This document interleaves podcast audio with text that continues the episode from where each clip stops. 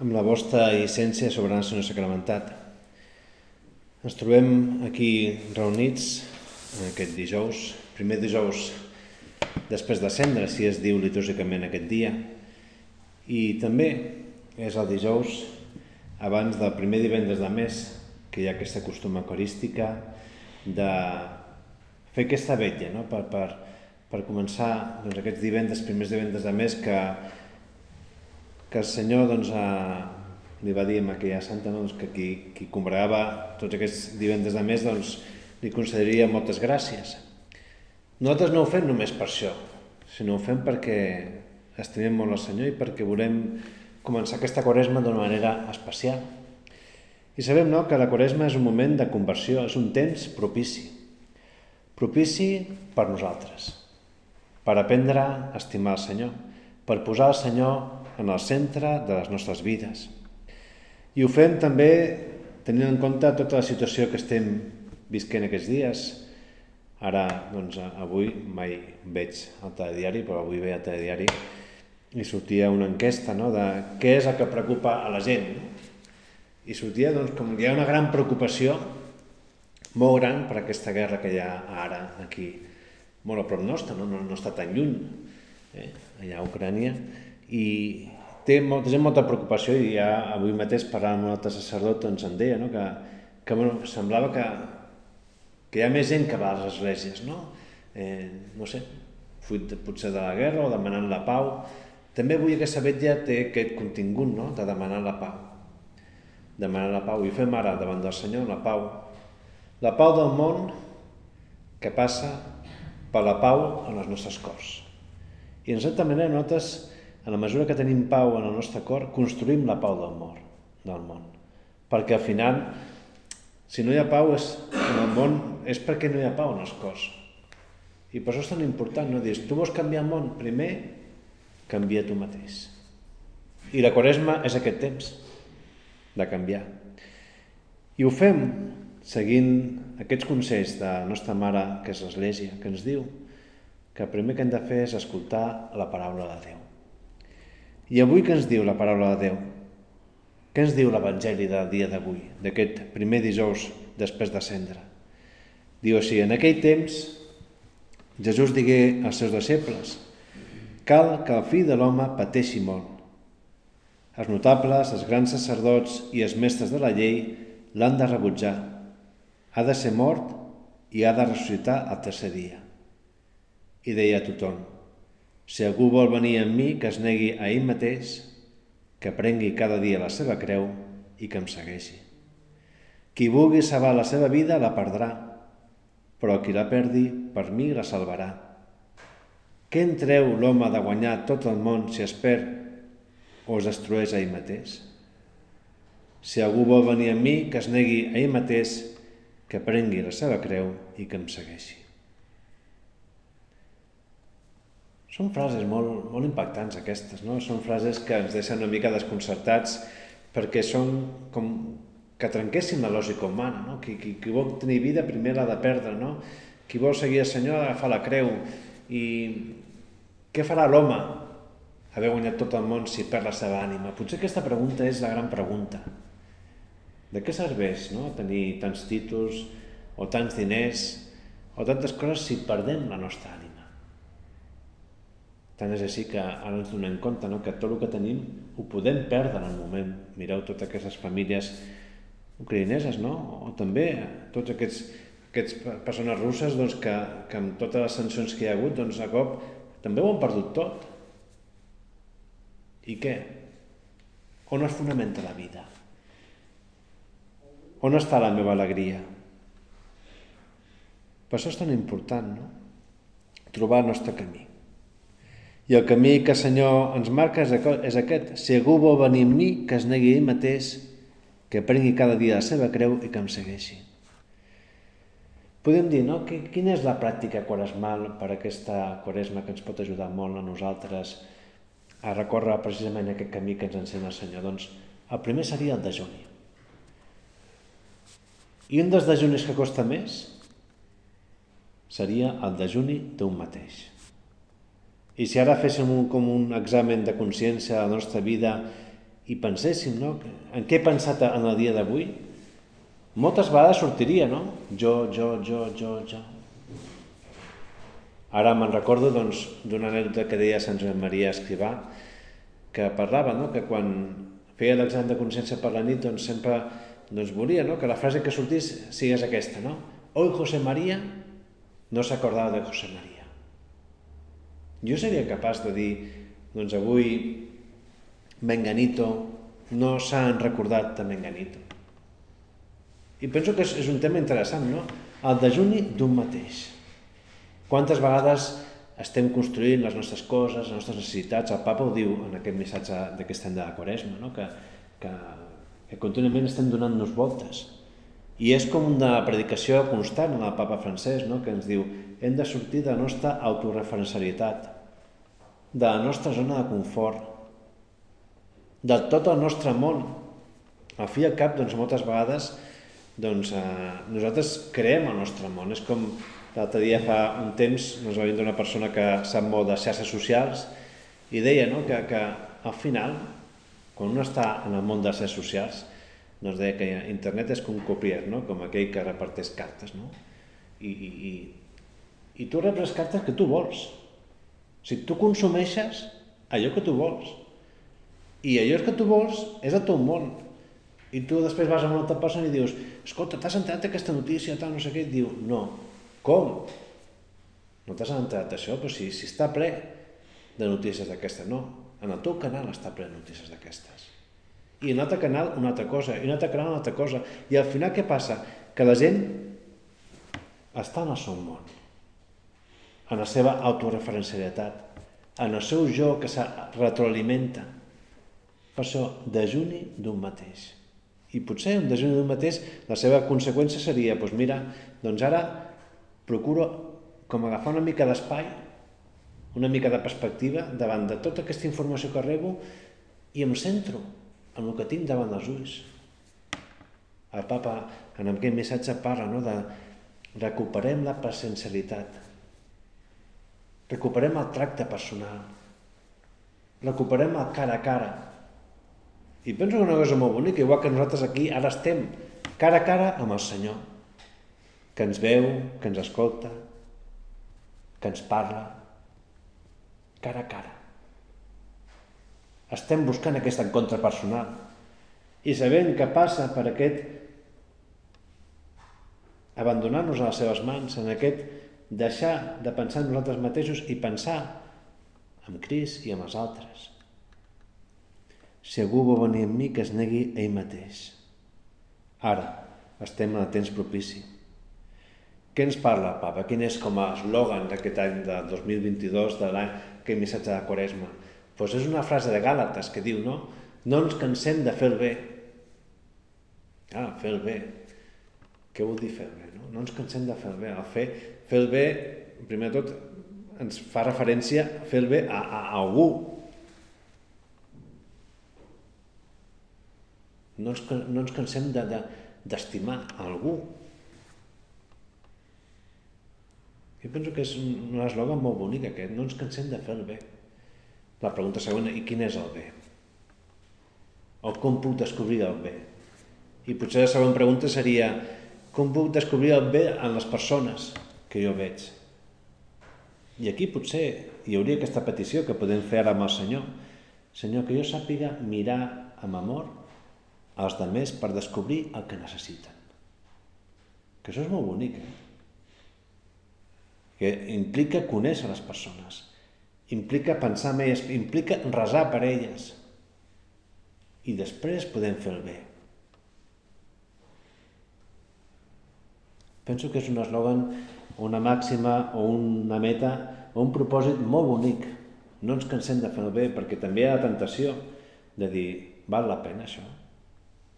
Si després faig el bé i s'emporta doncs, tantes coses dolentes que hi ha en el món i, i jo el meu bé no, no influeix.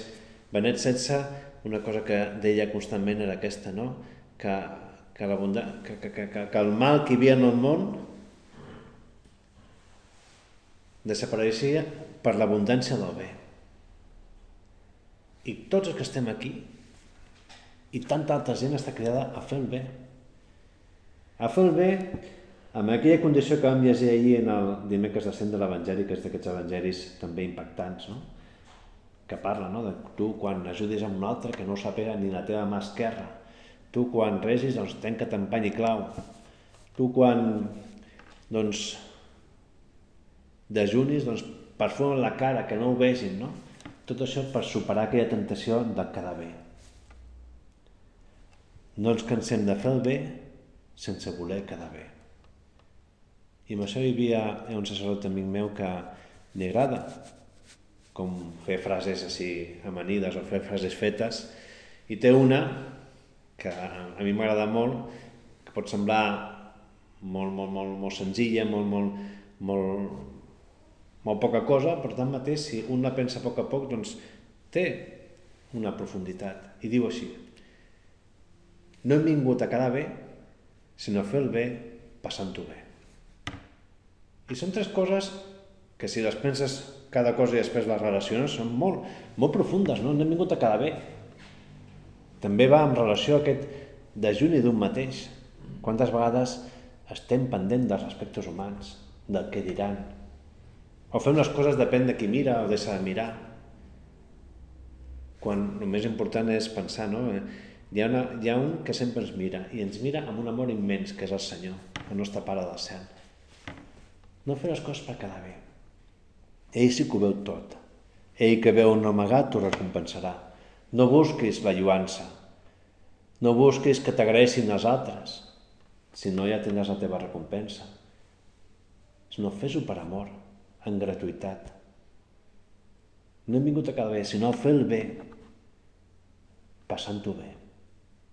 I això també és molt bonic, no? és molt atractiu. O sigui, és aquesta idea de Papa Francesc que diu precisament ara, no? a Quaresma no podem posar cara de funeral. La Quaresma no és un moment trist, és un moment de conversió. Una conversió que ens porta a gaudir d'alegria de saber-nos estimats, de saber-nos perdonats i de saber que el Senyor vol més per nosaltres. I fer el bé omple. Avui mateix, eh, un altre sacerdot, ara una, un amic sacerdot meu està, està morint-se i aprofitem ara aquesta estona també per resar per ell, que és un mossèn ja molt gran, i ara mateix doncs, ja està doncs, diguem, al final de la seva vida, en, la, en el que se'n diu l'agonia, no?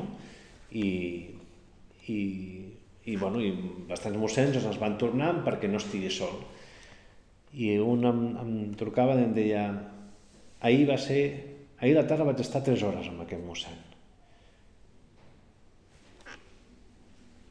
Eh, conscient, no conscient, mirava, no mirava, vam estar cantant, vam estar resant. Això passa molt amb els mossens quan estan morint, doncs tu si, si reses el rosari, pum, connecten, si, si fas el babiari, connecten, o sigui, connecten amb les coses de la seva vida, no? que és la pregària. Doncs em deia, ha sigut una tarda molt feliç. A ulls humans, podia ser una tarda perduda, tres hores, amb una persona que quasi, quasi ni comunica ni transmet, estàs allà, fins i tot pots estar, no sé, vigila, eh, que pots contagiar-te. I tanmateix ell va sortir contentíssim. Omple del bé. I penso no, que tots els que estem aquí també, en certa manera, hem tingut aquesta, no sensació, sinó aquesta realitat en la nostra vida. I volem més. Volem més i, i en certa manera la nostra vida és el que va fer el Senyor aquí a la terra. No? Si haguéssim de buscar com a resum de Jesús aquí a la terra, doncs seria aquest. No? Jesús va passar enmig de la gent fent el bé. I nosaltres ens podria dir el mateix.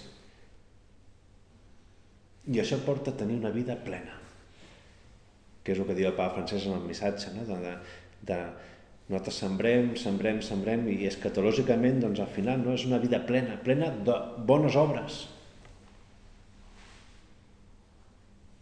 De bones obres, que això és el que queda. Aquests funerals, doncs la gent bona, que estan ple de gent, ple de gent de tot tipus i que et comenta, no? Doncs, doncs, no sé, era una persona bona.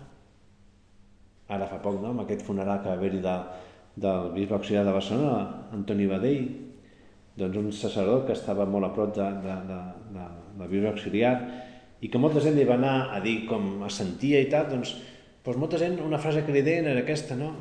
Eh, jo per, per al bisbe Toni era molt important.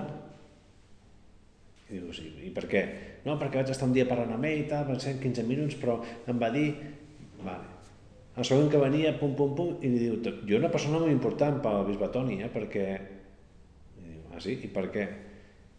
El mateix. I així unes quantes vegades, però no unes quantes, bastantes vegades. I aquest mossèn deia, em sorprèn, com és possible que tota aquesta gent que va estar molt poc temps amb el bisbe Toni, doncs tots tinguessin aquesta sensació. Jo era important per bisbe Toni. A mi, la veritat, quan sentia doncs, aquest testimoni, se'm va encendre una llum, no? I, i en certa manera dius, ara, relacionant-ho amb el missatge de Quaresma, podíem dir això, no? Què és fer el bé? Doncs fer sentir important la persona que tens al costat. I com es fa sentir important la persona que tens al costat? Doncs estimant-la. I això precisament el que fa el Senyor amb nosaltres. A cada un de nosaltres ara mateix ens podem sentir importants perquè ell ens diu jo he mort per tu. Jo he mort per tots pecats. Jo estic aquí per tu i m'he quedat aquí reservat, amagat en el sagrari i ara em deixo treure del sagrari i exposar-me en aquesta custòdia, que és bonica, però és pobra. I estic aquí amb unes quantes espelmes, i ja està, i estic aquí, i, i, i sóc Déu. I tot això m'ho deixo fer per amor, per estar més a prop de tu. Sentir-se important. Penso no, que és part de la nostra sembra fer sentir important a la gent que tenim al nostre costat. I això com ho fem? Doncs amb una altra pràctica quaresmal, que és la moina. La moina, un podria dir, la moina és donar diners, no? Que s'ha de fer. Però al final, què és el que més tenim nosaltres? Que és el nostre temps. La moina és donar teu temps als altres Donar el temps als altres és fer important una persona, perquè li poses la màxima atenció. I el papa aquí en concret diu, si us plau, no? quan esteu amb una altra persona, feu dejuni de les, de, de, de, del mòbil. I si no, és tan senzill quan sortim d'aquí, i si no heu vist moltes vegades aquesta escena, no? de, de persones que estan en, en un bar o que estan sentats allà en un banc, o que van junts i que veus que van junts, però un, els dos tenen els auriculars posats i xerren però tenen els seus auriculars amb la seva musiqueta o estan enviant missatges quan estan allà prenent alguna cosa i dius, però, però és una mica absurd, no? Donar moina és donar-te als altres. És entaular aquesta conversa.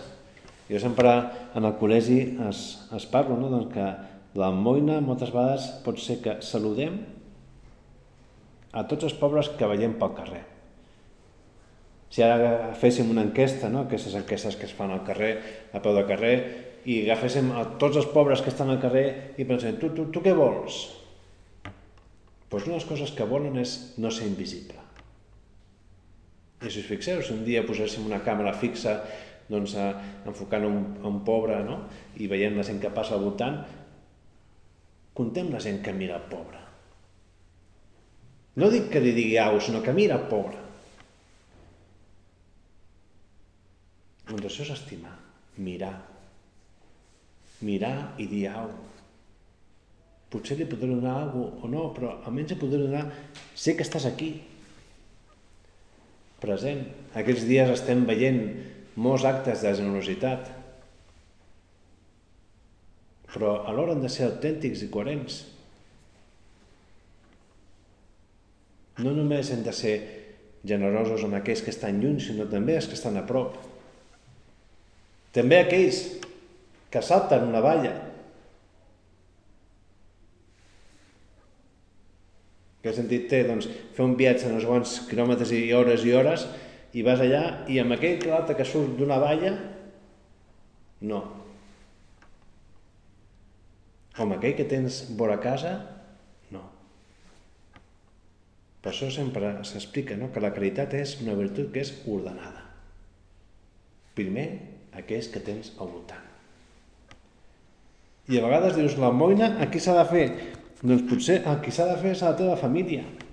I preguntar-se ara mateix, no? quant de temps dedico a la meva família? Quant de temps dedico a la meva família?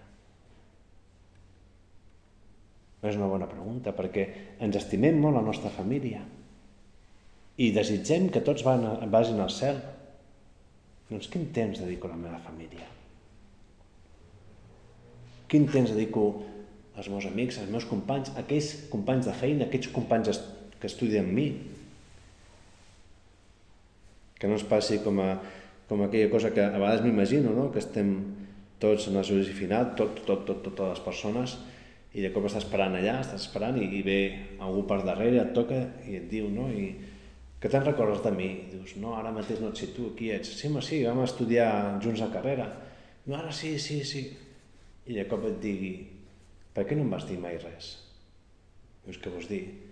Diu, bueno, per què no em vas dir que, que coneixies el Senyor, que, que, que, bueno, que, que eres un catòlic practicant, que volies fer el bé? Per què mai no em vas parlar? És un tema interessant aquest, no? S'ha dit, no, no fem apostolat, sinó apòstols, som apòstols. L'apòstol qui és? Aquell que dona el seu temps als altres, que fa sentir important als altres, que busca el millor bé pels altres. I quin és el millor bé?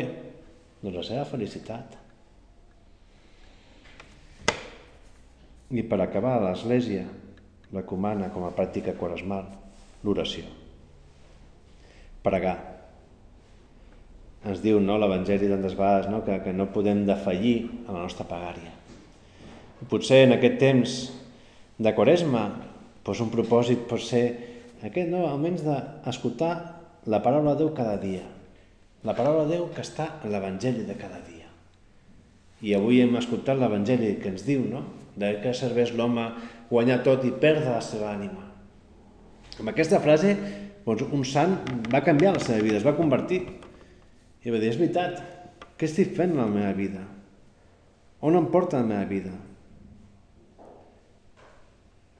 Sant Francesc va canviar. Ho va deixar tot. Ho va vendre tot per seguir el Senyor. L'oració. Sant Joan Maria deia que no coneixia cap sant que no fos un home d'oració. I nosaltres ens hem de convertir en ànimes d'oració. I qui és el que està en oració? Doncs el que està en Déu. I com podem estar en Déu? Doncs procurant pensar no? que Déu em mira en cada moment. Que Déu està en mi. Déu ja està en mi. L'únic que he de fer és descobrir-lo. També deia Sant Joan Maria una frase així molt bonica, no? que si no descobríem aquell cui divinum aquella cosa divina que s'amaga darrere les coses ordinàries, mai descobríem el Senyor, és veritat. El Senyor és Senyor de la història intervé en la nostra història, a la nostra vida. I que hem de demanar al Senyor és veure les coses de Déu. I això és la veritable oració. L'oració no només és ara que estem aquí, sinó l'oració és quan anem pel carrer també. Déu ens parla. Déu ens fa signes. Déu ens ofereix l'oportunitat de fer el bé. I això és molt atractiu. Homes d'oració. Homes d'oració. L'oració dona fruit quan és constant. Igual que la sembra. Tira la llavor perquè abans s'ha treballat la terra, després de treballar la terra i tirar la llavor, doncs es rega i es cuida i es treu les males herbes. I potser un altre recollirà el fruit, però s'ha de treballar nosaltres també. L'oració constant, de Sant Joan una hora fixa, un temps concret, no avui faig 5, demà faig 10, perquè avui estic on fire i demà estic doncs, cansat. I després pensar no, que, que l'oració és això i després és també la nostra vida. No? Per un apòstol modern, una hora d'estudi és una hora d'oració Per un apòstol modern, una hora de treball és una adoració. Com? Oferint-la. I la quaresma és un temps per oferir tota la nostra vida, tot el nostre treball, també tots els nostres sacrificis, que és incens que puja al cel, els sacrificis, perquè al final la quaresma és una preparació per la Setmana Santa, i la Setmana Santa el que vivim allà és la passió, mort i resurrecció del Senyor. Allà és on pugem al Calvari. I en el Calvari descobrim la creu, i en la creu descobrim Crist, i en Crist descobrim el seu amor per nosaltres. I allà apareix aquella frase enigmàtica que és tan potent no? I, i, que, i que escrivia Sant Josep Maria, no? El camino del amor se llama dolor. El camí de l'amor es diu dolor. I al final ho entens, no? Perquè les persones que estimen pateixen. Perquè les estimes. I, I en canvi, quan ets indiferent, mates l'amor. D'aquí la importància, no? De dir, la meva oració m'ha de portar a parlar amb el Senyor de la gent que estimo i per tant de la gent que pateixo. I és normal que el Senyor li digui Senyor, ajuda aquesta persona, cura l'altra i tal, perquè, perquè, perquè ens surt del nostre cor.